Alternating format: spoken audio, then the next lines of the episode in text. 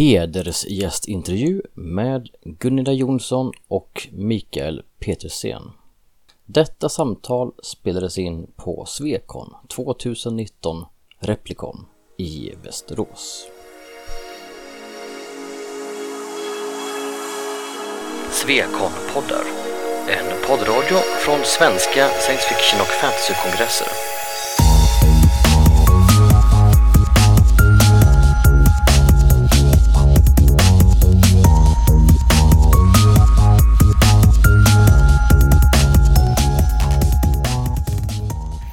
Alla välkomna till det här eh, samtalet med våra två svenska hedersgäster, Gunilla Jonsson och Mikael Petersen. Eh, publiken. Jag skulle göra en liten nostalgikoll innan vi börjar. Hur många här har spelat MUTANT? Och, och hur många här har spelat KULT? Vi har hög nostalginivå i lokalen med andra ord. Så vi kan börja lite med er karriär som eh, spelskapare. Vi går tillbaka till det dimmiga 80-talet. Ja, det är dimmigt. Ja, vi har glömt allt faktiskt. Har ni försökt allting? Ja. Alla drogerna och ja, det var tuffa tider. ja.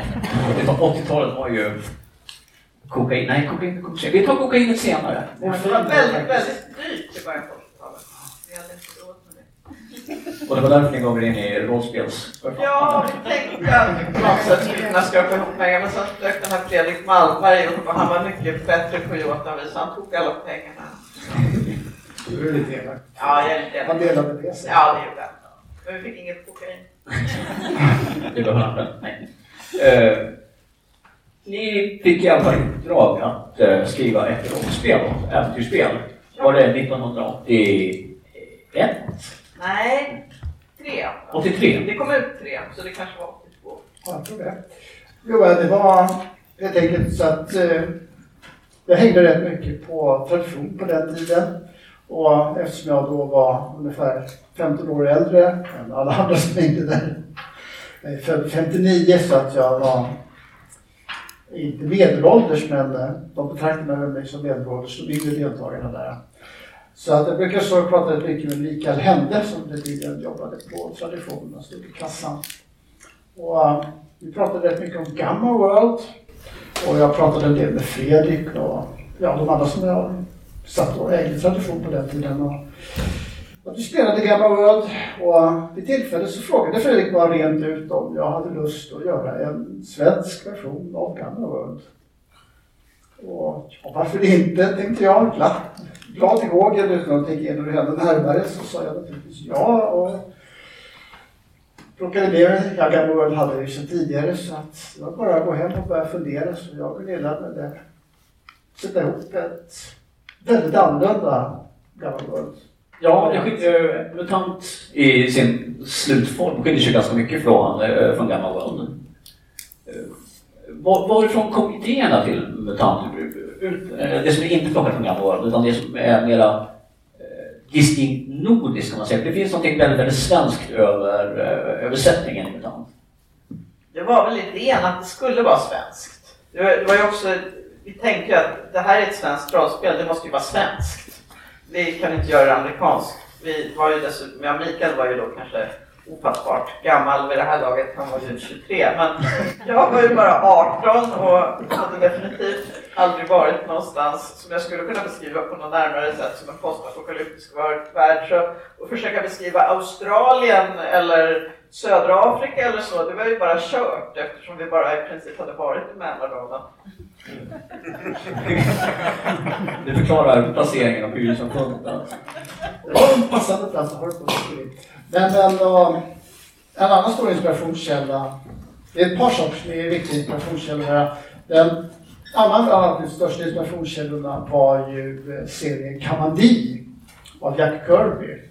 Som då handlar om en kille som vaknar upp som växer upp i en bunker tillsammans med sin morfar tror jag det är. Och när morfar mördad av de elaka råttpiraterna så så de ser ut som råttor fast de är stora som människor och har händer och fötter och kan därför använda pistoler som man kan skjuta morfadern med. Och när han kommer ut i den här världen så visar det sig rätt fort vara en värld som består av olika civiliserade djurstammar som lever. Alla tigrar lever tillsammans, alla brittiska bulldoggar som är väldigt brittiska lever tillsammans. Alla, just giraffer stöter de kanske aldrig på, men inklusive ormar. De lever i egna små stammar och gärna för krig mot varandra. Och deras djuriskhet påverkar deras kultur. Så tigrarna är krigiska och det var lite brittisk imperialism på något vis över Kamandi i själva tonfallet. Och jag tror att vi plockade upp lite av det här, en sorts mossighet liksom. Som kändes som den passade. En gullig mossighet. En gullig mossighet. Ett visst mått av pilsnerfilm. Ja, ett visst mått av pilsnerfilm. Och, men vi, vi fastnade ju inte riktigt för det här med djur i olika stammar. Det hade vi inte från början. Det dök upp senare. Utan vi hade mer en glad blandning av robotar, muterade människor, muterade djur. Alla byggde tillsammans en knasig 15-1600-talsvärld på ruinerna efter. 1700-tal nästan. Ja, nästan 1700 Nästan 1700-tal. För er, er mutantvärld är ju unik. Det liknar ju ingenting annat i eh, rollspelsvärlden, så vitt jag vet. Nej. Jag hoppas att det är så. Ja. Hade du någon aning om hur stort det skulle bli när ni skapade det? Nej, det hade vi inte.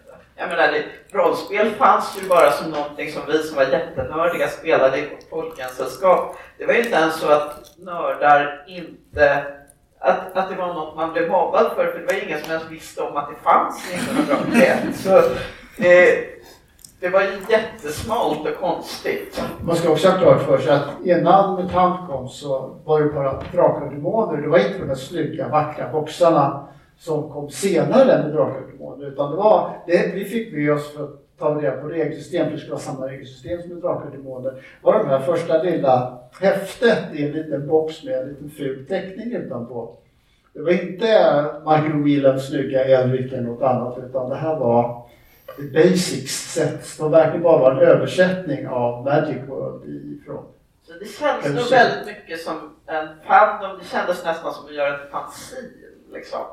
Ja, vi ska göra ett spel. Ja, vi, vi öser på med allt vi minns från knasig 70-tals SF och serier och gör något kul av det här. Och sen plockar man naturligtvis in Stalker och, och Bröderna Strugatskis picknick vid vägkanten med zonen, den förbjudna Ja. zonen och naturligtvis från Apornas planet. Där den radioaktiva förbjudna zonen fylld av onda mutanter också förekommer. Det har, ni har ju skrivit in er i, i den svenska rollspelssjälen på något vis med MUTANT. Det är, eh, 30 år senare när Jimmy Orvar producerar en enorm, eh, enormt påkostad coffee table-bok om, eh, om fenomenet. Ja, eh, senare var saker som drabbar en när man är i en känslig ålder mellan 7 och 12 gör med ens hjärna. Det, Ja. Man ska inte mata små barn med olämpliga saker utan med muterade kaniner och annat. Eh, Men när du säger mata barn med olämpliga saker. Ni har inte bara skrivit, eh, ni har inte bara skrivit MUTANT. Ni Nej. står ju även bakom ett annat rollspel som ni redan frågat om. Kult. Ja, Och hur, hur såg den processen ut? Hur gick det till när, när ni fick det jobbet? Det var ju samma sak igen. ja vi, det, oj, barnen har blivit stora, nu ska vi ha ett spel för tonåringar.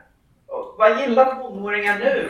Frågade sig äventyrsspel och la upp en massa bilder från Clive Barker-serier och Det var skräckfilmer och sånt där. det var Nisse Gullikssons bebis. Ja, det var hans bebis från början och han, han ville ju ha något som var coolt och häftigt. Demoner på motorcyklar. Ja, det var därför det hette Kult. Eh, Arbetsnamnet var Kult från början.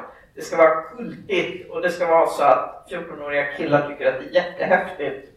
Av någon anledning så tyckte de att vi var rätt människor för att göra det här. Men vi är ju så kända för att vara så hårda och elaka och tuffa. så- Ja. Ja. ja. Så då tänkte vi, jaha, ja, ja. Vi, vi, jag tror att vi gick lite så här scientific, nej det gjorde vi väl kanske inte, men Ja, men vi, vi, vi försökte analytiskt tänka vad kan funka här? Det här ska rikta sig till 15-16-åriga grabbar. Det ska vara häftigt, det ska vara blod och tarmar och motorcyklar och demoner och action och mystiska hemligheter som avslöjas som världens sanna beskaffenhet. Det är ju lite intressant, för vad ni levererade var ju en, en variant på gnosticism egentligen i, i grunden ja. i världen. Ja, vi, vi sprang ju iväg lite där för, för först Nisses idé och Fredriks idé var ju det här med demoner på motorcyklar, massor med action. Och så jag och Gunilla gick hem och tänkte och då levererade vi ett första utkast som mer var Alistair Crowley, The Road Playing Game. Med massor med praktisk västerländsk magi och, och jag menar, alla här har ju sysslat med västerländsk magi antar jag. Det gör vi väl alla? Det, det, det hoppas jag. Men eh, så och sen la vi dit massor med diagnostiska, vi fick livets träd från kabbalan. Vi använde hela den gnostiska grundidén med demiurg och... Vi kände väl att vi behövde, vi behövde liksom en värld, ungefär som H.P. Lovecraft har sina yttre gudar. Så kände vi att ja, men vi behöver något att haka upp alla de här skräckhistorierna på, en metafysik. Och det är väl lite som en mutant. Antagligen har vi problem med hemma hos när vi börjar liksom tråckla ut oss i komplikationer. Att det kan bli väldigt stort och sprawling, både på ont och gott. Och Kult blev ju liksom ett rätt så bisarrt sprawlingbygge. Och sen var det lite som att vi drog åt ett håll.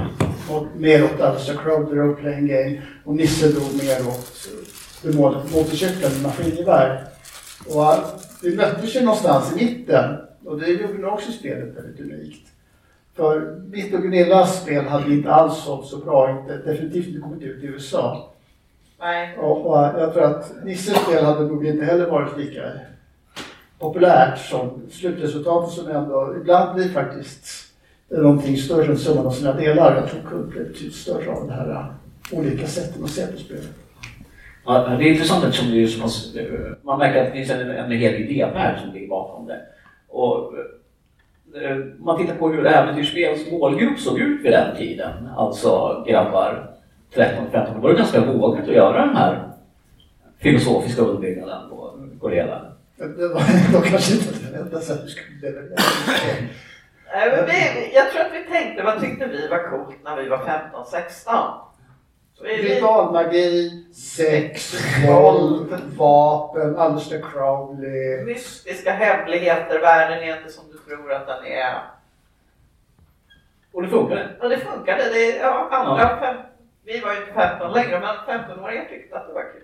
Ja. Sen var ju en absolut poäng ju det att Fredrik Malmberg är ju inte den som bangar för någonting. Så att han har ju aldrig överhuvudtaget sagt åt oss att göra om, gör rätt, utan eh, han bara tacksamt tar emot det man producerar och ser glad ut. Ta emot publicerat? Ja, jag tror att en del spelföretag skulle kanske ha backat. Just i det här fallet så bet det ju äventyrsspel lite grann i svansen. Ja, det gjorde ju det. De hade inte räknat med att Livets Ord skulle etableras i Sverige. Hur började det? Det började med en stor och liten bojkott eller alltihopa? Det var väl någon sorts kampanj från... Det började ju egentligen med att Livets Ord bestämde sig för att två saker var de primära orsakerna till all ondska på jorden, nämligen rollspel och Horst serieutgivning. Och eh, de fokuserade rätt intensivt på det här och för dem var det väldigt betydelsefullt att få massmediatid, massmediauppmärksamhet. Och det var väldigt effektivt att gå ut och vifta med Horst-serier. Horst råkade mycket värre ut än vad vi gjorde, stackars Horst på alla sätt. Ja, han blev ju dömd alltså. Ja, ja, på absurt, fullständigt vansinnigt, en rättsskandal av stora mått. Men hans serie som innehöll en del till sex och våld och religiösa motiv blev det ett jäkla liv om. De gav på dem hårt och de fick med sig, tyvärr, delar av den svenska journalistkåren. Och de fortsatte sen även in mot rollspelen. De var ju kult, innehöll ju knivar, eh, bröst, sexmagi, demoner på motorcyklar, sådana där saker som kristna och den här typen inte tycker om. Och det var ju ett gnostiskt rollspel om att Gud var död och en demiurg och en skurk. Jag menar gnosticismen är ju inte populär i frikyrkovärlden. Nej, nej, jag kan förstå att, det, att den delen inte uppskattades. Så Alltså. Livets Ord startade ju en jättekampanj för det här och de fick ju med sig, som jag sa, delar av svenska massmedia. Jag menar, Sigrid Öholm gjorde ett Ja. inslag om det. va? ja, Lotta Bromé. Och ja, det var överhuvudtaget. Hur kändes det för er då? Vi duckade ju mest. Vi gömde oss. Ja, vi gömde oss. Vi, vi, Ett tips om ni får massmedia efter er. Fel variant är att ställa sig upp och försvara sig. Bara stäng av telefonen och göm er. Det finns ingenting som fungerar så bra som att bara säga inga kommentarer, inte ett ljud, ingenting. Bara... Det la sig ju efter ett tag. Ja, Till er stora lättnad? Ja, jo, men det, det, det kändes, det var inte riktigt vad vi hade eftersträvat. Vi var faktiskt ärligt mest ute efter att göra något som var skoj för tonåringar. Jag funderar på det här med, eh, som spelskapare så lägger man en massa tid åt att bygga sin värld och, och eh, sätta ihop sina idéer. Och sen packar man alltihopa i en låda och så skickar man ut det i, till massorna som sen får göra precis vad de vill med det. Ja, det, det är liksom det kul med det hela. Det känns väldigt jobbigt att någon annan tar ens bebis och sätter igång och skapar. Det är skapar samma om du skriver en bok. Det är också att skicka en plastpost ut i etern och sen så kommer somliga gilla det, somliga kommer inte gilla det. Så är det väl alltid med allt. Man. Eller också ett scenframträdande är ju i någon mening så. så det, allt, allt kulturproducerande funkar väl så. Men rollspel görs om mer än andra kulturprodukter. rollspel är dessutom gjorda för att tolkas av en spelledare och en spelgrupp. Men vi är ju bara, oavsett om man skapar ett spel eller ett äventyr eller en kampanj, så ger man ju bara en grund att arbeta med. En grund att bygga huset på. Sedan är det spelledaren och spelarna som tillsammans bygger huset, skapar berättelsen, har det narrativa drivet på ett sätt som vi inte vi kan, vi kan ju inte säga att det finns ett rätt sätt eller ett, fel, sätt- ett felaktigt sätt att spela ett spel eller ett äventyr på. Vi bara ger dem verktygen att arbeta med. Själva stora kreativa arbetet egentligen tycker jag ligger hos de som spelar. Det är det som gör det så tillfredsställande. Det är lite som att leda en workshop eller så. Att man blir så glad när man ser att folk faktiskt åstadkommer någonting och det blir bra liksom. Här gav jag er några redskap och så wow, ni gjorde det, det blev fint. Liksom. Det, det, det finns en väldig glädje i det. Jag är snarare bara glad om folk Ja. gör någonting. Glädjen är att någon annan lyckas göra någonting och man har hjälpt dem. Liksom. Det, Även om det förvånar er ibland. Jag tänker på den, den flådda påven. ja, det, nej men Det, det, det är en liten, som säkert folk har hört här flera gånger, men eh, första konventsäventyret där vi presenterade Kult på, det var på Lincoln med äventyret Eko det förflutna. Och som då eh, inte var meningen att man skulle sluta med att flå påven och förgöra världen. Eh, utan vi hade testspelat det här med vår grupp i Södertälje och vår grupp i Uppsala. Vi två då. Och bägge grupperna hade på slutet valt att nej, vi ska inte förlå påven, vi ska inte förgöra världen, utan vi ska göra som den här eh, påven säger att det är dumt att riva allting för att de blir galna och så går allting åt helvete igen. Men eh, när vi körde det på kongressen så, jag tror att det var ungefär 30 grupper som spelade, så var det en grupp som inte flådde påven. Alla andra gjorde det. Och här, jaha, vi hade försökt göra en moralisk berättelse om att inte lyssna på den farmiga, sexiga antikrist Jim Morrison, utan lyssna på den stora, blobbiga, hemska och ganska elaka påven därför att han har faktiskt rätt, men det gick inte fram. Det var hela idén med att göra ett rollspelsäventyr. Det är inte vi som avgör hur det ska vara, utan det är de som spelar. Eh, När vi hade våra försnack så pratade vi lite om Svarta Madonna också. Ett annat klassiskt kultäventyr. ja, det första som publicerades. Den stora kampanjen jag har gjort. Ja, hur, eh, hur, vad är er tanke kring det när ni, när ni satte upp det? Det var ju mycket gjort utifrån ett, vi hade gjort ett rollspel tidigare som hette Skummornas Mästare som var ett sorts ninja-agent-rollspel vars DNA ligger kvar lite i kult i en del av här lite mer actionbitarna. Och det här äventyret var ju lite mer anpassat för Skuggornas Mästare. Det innehåller en massa eh, hemliga baser och eh, actionsekvenser och som du sa, det är en dungeon crawl i rätt hög grad. En dungeon crawl med lite autonoma nazister i Berlin och med knasiga tillbakablickar till Leningrads 900 dagar. Gjorde ni ett studiebesök i Leningrad innan? Nej, det gjorde vi inte. Vi, vi, var, vi var i Berlin, men vi, nej, vi var, Inte Leningrad. vi var aldrig i Leningrad. Det var så pass annorlunda dessutom nu jämfört med Jag har hört sägas att man kan eh, spåra era resvanor i, i en del producerade. Ja, tidigare så gjorde vi väl det. Vi, vi, vi skrev en del saker som utspelade sig på olika platser och så drog vi av alla resorna. Så det, det finns kultäventyr i New York och sådär. Det finns kultäventyr i London. Det finns en mutantgrej om Shanghai. Uh, Kult fick uh, återuppstod ju här för några Ja. år sedan. I fjol. I fjol var det. Den tog, det den, finns till Lost. den, den, den tog sin lilla tid, den, den kickstarten. Ja, Hur kändes det att någon plockade fram era gamla, eh, gamla spel och dammade av? Först var jag rätt så upprörd på dem för då ville de använda vår gamla text från 91 och då kände jag nej den är ju jättemossig. Den är ju helt timestampad. Det här blir ju bara nostalgi för 40-åringar som tyckte det här var kul för 25 år sedan. Ni får göra något eget. Hitta på något. Så vi hade ett möte som inte slutade jättebra, som slutade ungefär med hitta på något själva. Men, och då sa de väl att ja men då gör vi det och började snajda till ett nytt spel och det blev riktigt, riktigt bra i slutändan. Vi bollade fram och tillbaka med Petter Nallo som skrev texterna till det. Det ledde ju i slutändan fram till romanen som Ja. du släppte. Man ska kalla för en tie-in till spelet, eller hur, hur ser ni på den? Ja, Den är nog mera som eh, en roman som råkar utspela sig i kultuniverset. ja. I vår version av kultuniverset ska man nog säga också. Alltså det är inte samma som i, i nyhetsbågarna-spelet. Och men någorlunda. Vi har försökt synka lite men det är inte helt... Vi, vi har inte låtit oss bindas av spelet om jag säger så. Kanske vi ska prata lite om romanen. Den heter ju Döden bara början, den gamla taglinen från, eh, från Kult. Ja. Eh, Kan ni ge en spoilerfri sammanfattning av den? För eh, om inte alla, har, eh, alla som sitter här och läser den.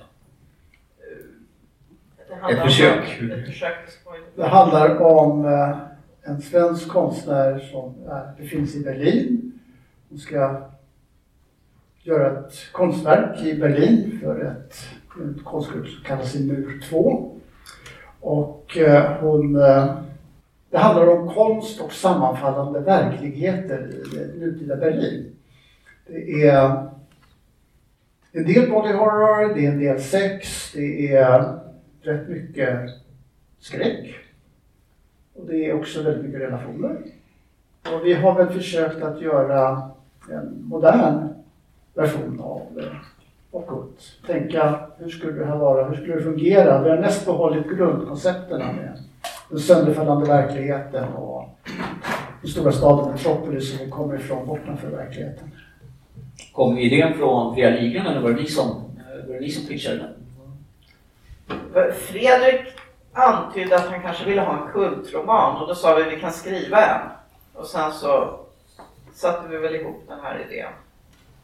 Men vi hade ingen kontakt med dem medan vi skrev den i, i någon högre grad. Nej. Förrän vi liksom lämnade in manuskriptet. Vi pratade en del med dem. Ja. Det var ju, Fredrik sitter ju på IPn på Kult och han berättade att nu skulle de ta upp det hela igen och börja släppa romaner. Och så vi ska ge ut romaner, hörde ni det? Och vi insåg att han var, så att vi kan skriva en roman. Vad bra, sa han och fick över ett kontrakt. Så vi eh, slog oss ner och började tänka. Vi eh, först, tänkte först att vi måste nu läsa igenom allting som vi har skrivit om, om Kult. Och, och vi plockade fram alla våra dammiga boxar och allting och tänkte oh my god vad mycket text, har vi skrivit allt det här? Och herregud, vad tänkte vi på när vi skrev det här?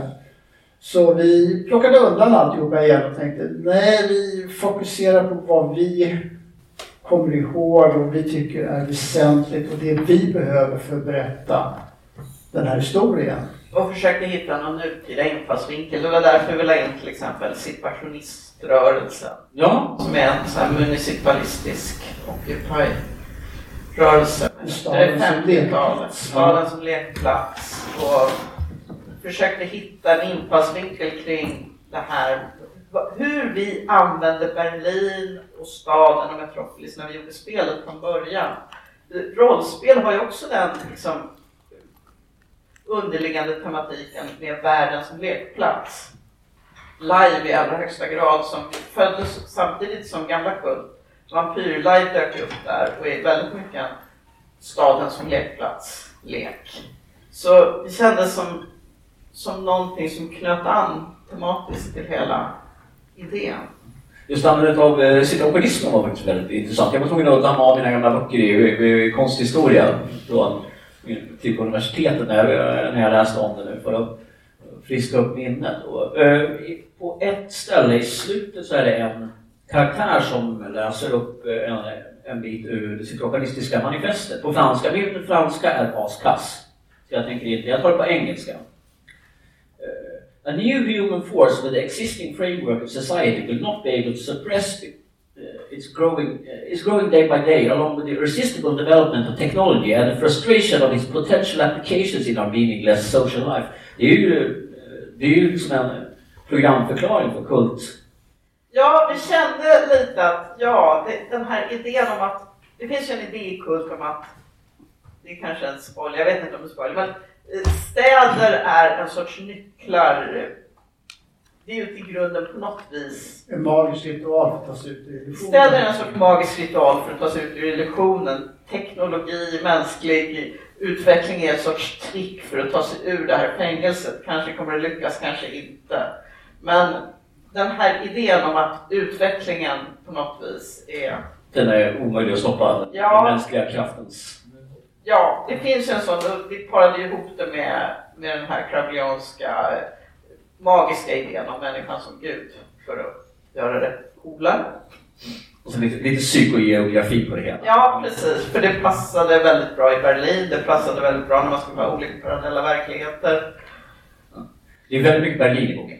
Det är Ja, ju som en egen huvudperson. det är som en huvudperson. Vi tänkte faktiskt på, på det sättet när vi skrev både den här boken och uppföljaren att Berlin är en av huvudpersonerna. Och vi ska väl kanske se om vi kan göra en speltillbehör sen till nya Kult i Berlin, där vi hoppas att vad oss göra den. Ja, där staden ska vara en huvudperson. För vi känner att den här idén om städerna som både artefakter och personer i sig var någonting som vi tyckte att vi kunde tillföra till det gamla konceptet. Och Berlin är ju en stad med väldigt mycket karaktär också. Ja, och det är ett spel där vi har använt olika tidsplan i alla handlingar tidigare och Berlin har en historia som lånar sig väldigt bra till det. Plus det är väldigt mycket häftiga byggnader. Ja, Många gamla fina ruiner som Ja. tyvärr är mer avspärrade än när vi var där ursprungligen. Tyvärr, men annars rekommenderar vi det om ni inte är, känner er alltför gamla och ålderstigna som jag redan gör nu för tiden. Men det finns massor med roliga byggnader i Berlin som är avspärrade. Så man får försöka ta sig igenom staket och stängsel och andra saker. Titta på de här ruinbyggnaderna. Det kan vara väldigt fascinerande att se saker som att ett träd som växer upp mitt inuti ett gammalt sjukhus till exempel. Vi kör ju lite urban exploration här. Ja, det var väl också en inspirationskälla. Att vi tyckte det var kul. litterära inspirationskällor då? Är det några, är det några ni vill nämna vi vill tänkte vi ju lite på, för han har ju också skrivit lite sådär. City the City till exempel. Och jag tror när vi skrev den här, hade vi nyligen läst hans den här om eh, Paris med surrealist... Surrealistbomben ja. Surrealistbomben Ja, i Paris. Så det, det tror jag också var lite så här inspirerande och vi kände att Andra världskriget är ju någonting som har förekommit mycket i spelet men vi ville inte gå tillbaka dit så vi kopplade med till kalla kriget, muren, Stasi, Östtyskland som vi kände var en väldigt bra koppling till Kults fängelsevärld. Clive Barker. Clive Barker. Alltid Clive. Ja. Det, det är ju till och med inskrivet i böckerna. En, en av huvudpersonerna heter Clive och den inleds med Clive Barker. Ja, också. ja men vi, så vi har Ja. snott hans cenobiter så vi, vi kan ju liksom inte bara låtsas som ingenting. Sorry Clive. Sorry Clive, jag hade ingen aning om vad jag blev så det kan vi inte säga. Det är svårt att komma runt Clive Barker. Ja. Man skriver den typen av skräck. Ju... Ja, och i och med att helvetet är väldigt viktigt, det var väldigt viktigt i ursprungliga rollspelet, det gjorde det väl också lite säreget. Vi gjorde ju en hel box som bara handlar om olika platser i helvetet. Eh, och Döden är bara början utspelar sig också bitvis i helvetet och det handlar rätt så mycket om människors relation till helvetet, dömer sig själva till helvetet, raderar sina minnen i helvetet. Det var intressant att du eh, sa det på minnen, för det tyckte jag nästan var den otäckaste biten i boken. Det, det, var, det var det jag, jag fann skräckinjagande, det här att människor bara kan bli utraderade och försvinna bit för bit, sakta ur andra, eh, ur sina släktingar och vänners minnen. Ja, just det här att vi är ju bara, vi, vi, är ju varandras minnen i någon mening och våra egna minnen. Och i, i den moderna världen är vi ju också sociala mediers minnen. Den samlade bildskatten vi har av oss själva och varandra. Och det är inte något beständigt. Minnen är ju som vi vet inte beständigt. Vi om dem varje gång vi minns dem. Ja, pratades om i en panel igår. Ja, om man rad- radera sin egen tidslinje. Som om man vore en, en levande Facebook. Ja, Eh, Och det känns ju som något som är aktuellt för science fiction, men också som nå- någonting som alltid är aktuellt att prata om. Särskilt när saker förändras snabbt i samhället så blir minnet bakåtkortare. Det är mer att minnas. Det blir mer komplicerat att minnas när vi inte har en sorts kanonisk historia att förhålla oss till. det är första delen i en trilogi. Ja. här, Eller hur? Och, på tema minne. Ja, och två, De levande döda, har vi precis skrivit den första Kompletta versionen. av. Den handlar ännu mer om minnen kan man säga. Minnen, att bli raderad ur verkligheten, glömska. Det är inte bara ni som har skrivit en, en kultroman här på sistone. Anders Fager kom ju ut med, eh, med Ja, vittnan här för ett år sedan ungefär, jag det var. Kanske lite längre. Eh, hade ni någon samverkan med honom i, i det? Försökte ni? Inte egentligen, utan Anders... Vi fick se hans, eh, hans första utkast på romanen. Han fick det till oss innan han gick igenom av redaktören. Och han skrev en bok som var väldigt annorlunda mot vår. Det kändes som en absolut poäng, för det, det är inte roligt med alla böckerna som kommer att här se helt likadana ut. Anders fokuserade ju mycket mer på att berätta om illusionens väktare. Han berättar ju om någonting som nästan bara utspelas i Metropolis, nästan bara utspelas i, i den stora staden, urstaden. Medan vi har mycket mer fokuserat på att berätta om människor som befinner sig i illusionen, som är fångar i illusionen. Så det var ju roligt att Anders gjorde en väldigt annorlunda bok. Det, det vore himla tråkigt om han inte hade gjort det. Ju mer olika varianter det finns, desto bättre. Men det är inte så att vi känner inte att vi äger kult. Vi, vi skriver i det här universum och det är bara roligt om andra människor också gör det. Och ju mer de gör det till sitt egen variant, till sitt eget universum, desto bättre är det. Ja, för de kompletterar varandra väldigt bra. Anders, är ju, Anders bok är ju episk och stor och det är strider som rasar över hela jorden och de ramlar igenom olika verkligheter och så. Medan ni har, eran är mera en, en, en, en tätare, mer sammanhållen historia, nästan som ett kammarspel. ja. ja vi, I bok två gjorde vi försök att röra oss, som vi har skrivit färdigt nu, gjorde försök att röra oss utanför Berlin, men våra huvudpersoner vägrar att lämna ringlinjen runt stan. Det går inte. Så vi fick ge upp idén om utflykt till Bandlitz och säga nej, nej, nej, det blir Neukölln. Ni fick nej från karaktärerna? Ja, ja, de, de, herregud, de tittade ut på A10 och så fick de panik och så vände de och så åkte tillbaka till stan. Och där är ett problem alltså. Vi har haft jätteproblem med att Clive skulle ju ha tagit livet av Moritz flera gånger om, men han har vägrat vartenda gång. Det har Ja. bara inte gått. Vi har byggt upp för och sagt nu, nu. Nej, Clive vägrar. Shit, vad gör vi nu? Det är ett seriöst problem. Ja, det är seriöst vi har- karaktärer som inte lyder. Ja. Det är nästan som att våra spelledare har, har spelare som är att följa, Ja, följa manus. faktum är att varken karaktären eller spelarna har en tendens att göra som man vill. Det är Det är bara att foga sig att verkligheten funkar så.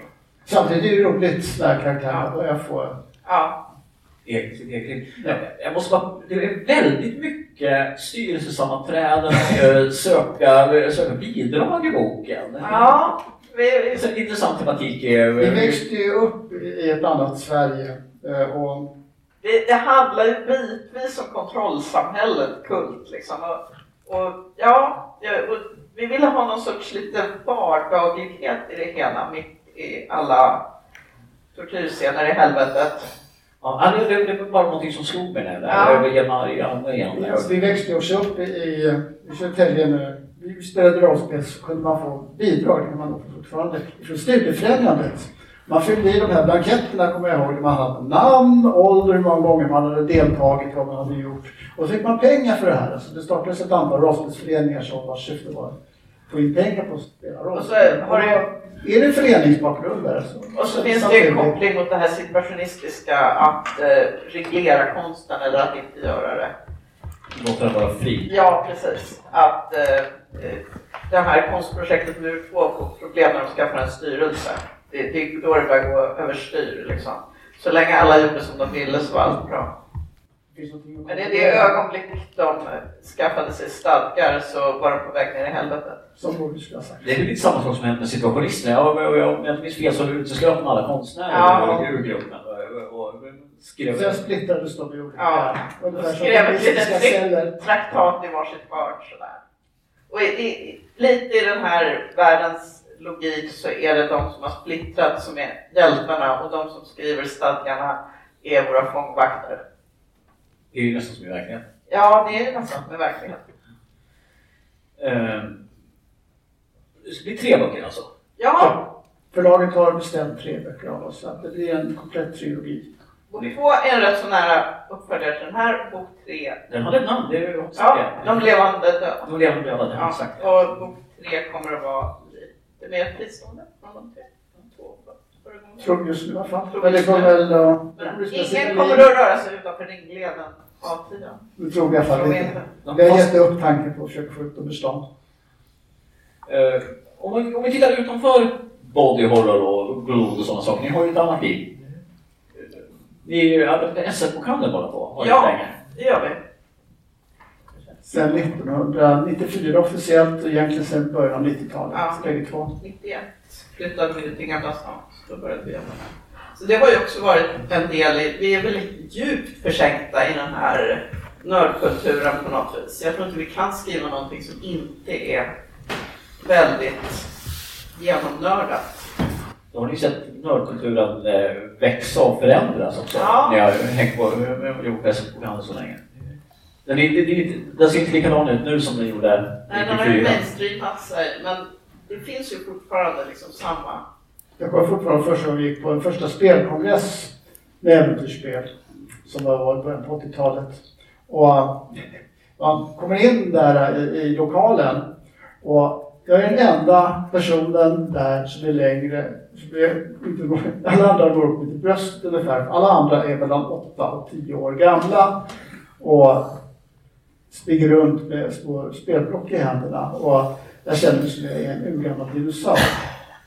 Det är bara jag och arrangören av det hela som är, över 12 år överhuvudtaget närvarande. Men där har det förändrats. datorspelsboomen har liksom dragit med sig resten av nördkulturen tror jag. Primärt är det datorspelen skulle jag gissa. Som Och har- Kickstarter var Och jättebra. Kickstarters har ju gjort att Kickstarter har ju- rollspelen har kommit tillbaka. Nu, nu, är vi alla, nu är vi alla 40-50 år och Ja. dominerar de här sammanhangen där det handlar om rollspel. Känns Ja. det som ibland. Eh, jag tycker att det är kul att prata om eh, vad författare har i byrålådan också när jag gör sådana här intervjuer. Har, har ni någonting har ni någonting liggande som nej, något som aldrig blev av? Projektet som kom undan? Vi har en eh, väldigt snuskig vampyrroman. Som, Som, vi, eh, vi shelfade därför att vi tänkte nej, kanske inte. Har den distinktionen av att den här, den är, den är 20 år gammal nu. Bonniers tog den först. Och sedan så stoppades den en högre chef på Bonniers. Om man tittar på boken. Så skickade vi den till Nordstedts. Som också satt på den en längre stund. Och vi fick tillbaka med refuseringsbrevet. Bokens litterära kvaliteter drunknade i blod och sperma. Det måste vara en av de bästa refuseringsbrev man kan få från ett förlag. Det är något att rama in. Ja, det närmaste. Annars så har vi faktiskt, precis innan vi började på den här kulturromanen, hade vi precis gjort en komplett nedbrytning på en eh, svensk historisk deckare som utspelas på 1890-talet i Stockholm. Så den har vi också liggande, men den kommer vi att skriva när, efter vi har skrivit bok tre och gjort kampanjen till Kod Kultur och gjort massa saker till Svenska RuneQuest och ja. Ni har en del på, Ja, vi har på gång att göra. Ja, vad jag gör de närmaste åren. Plus att jobba heltid och ja. Eh, Skrivprocessen tycker jag är intressant. Hur, skri- hur skriver ni? Vem skriver? hand. Ja, för hand. Men, eh, Jag skriver för hand och vi bollar det fram och tillbaka så läser vi högt för varandra. Och sen sätter ni ihop alltihopa. Ja. Kommer ni ihåg vem som har skrivit vad? Eller? Vi skriver samtidigt. Jag skriver ner och vi läser det högt hela tiden. Vi är väldigt extrema plotters. Så vi börjar med en outline på där varje kapitel är nedbrutet till ett par rader.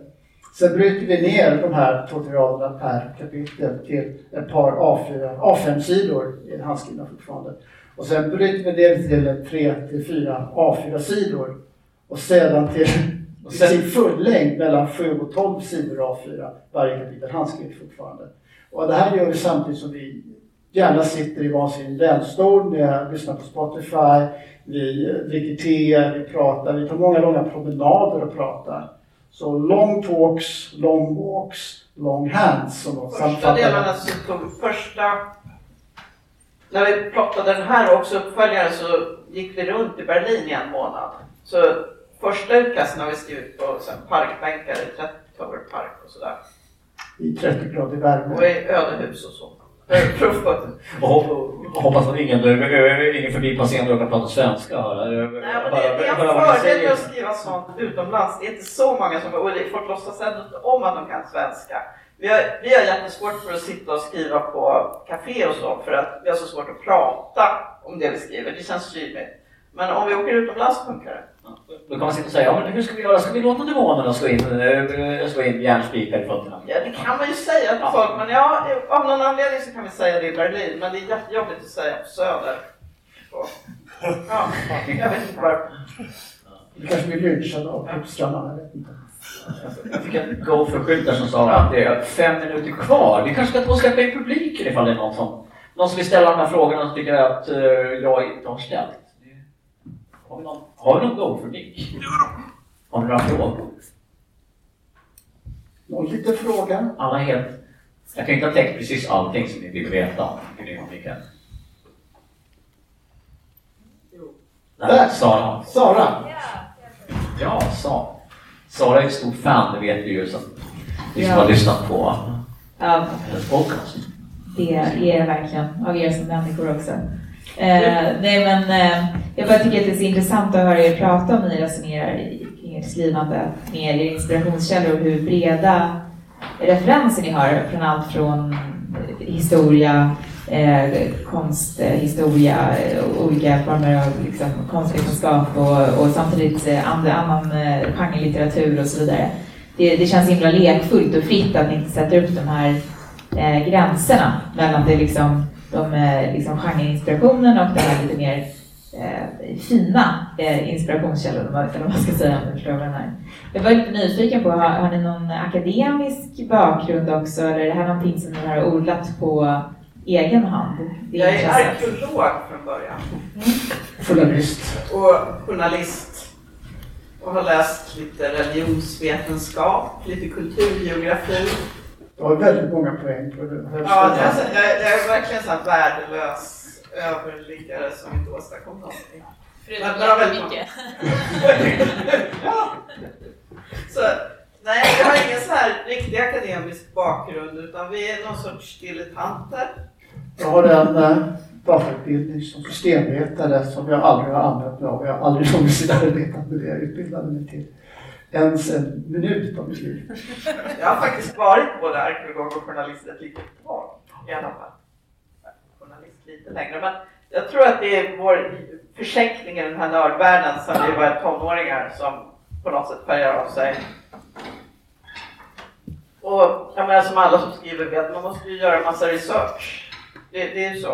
Om det ska bli bra. Ritualmagi och sådana saker. Ja, Det ritual. studerade vi faktiskt innan vi började. Ja. Men jag menar om man ska skriva om en plats måste man vara där. Om man ska skriva om en människor med vissa bakgrunder så måste man prata med dem. Och, ja. Det, det är som att en akademisk bakgrund vet inte tusan hur mycket det hjälper för man kommer ju aldrig lyckas pricka in det man precis ska skriva om. Hur en... Nej, det är inte, det är inte supervanligt när man lyssnar på författarintervjuer att man hör den typen av breda referenser som ni har. Så det var därför jag Ja, ja. Någon mer fråga? Det är helt, jag, jag var helt... Nej, titta där! Titta, titta, titta. Ja, det är någon som vill veta något. Ja, ja. Vi har ju pratat lite om eh, den nya versionen av Kult. ja. Men det finns ju också en ny version av MUTANT. ja. Hur involverade har ni varit i? Den har vi inte varit inblandade i alls. Vi gjorde ett litet äventyr tror jag. Ja, det gjorde en litet äventyr. Det enda där var ju, ett- vilket kan vara egendomligt, att Fred Ligan är ju det förlag som ger ut den svenska utgåvan av våra romaner. Men vi var inte inblandade alls där de gav ut uh, Mutant och Nål. Vi har inte gjort någonting åt MUTANT sedan slutet på 80-talet. Förutom det där lilla, lilla Ja, det lilla äventyret. i en av deras böcker. Och ändå, ändå pratar vi om det fortfarande. Ja. Ja. Eh, jag fick stoppskylten ja, från Big Offer. Så jag får tacka er så hemskt mycket för det Jag här lägger samtalet. till att vi signerar böcker inne i bokrummet. Så även för dig och även du köper en bok, även för dig att prata. Annars blir vi uttråkade och, och ledsna. Tack så mycket. Tack så hemskt mycket.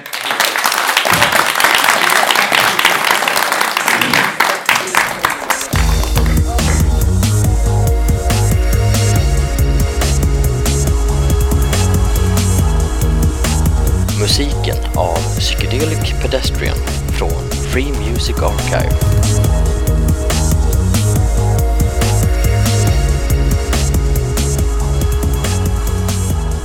Besök gärna vår hemsida på svekonpoddar.se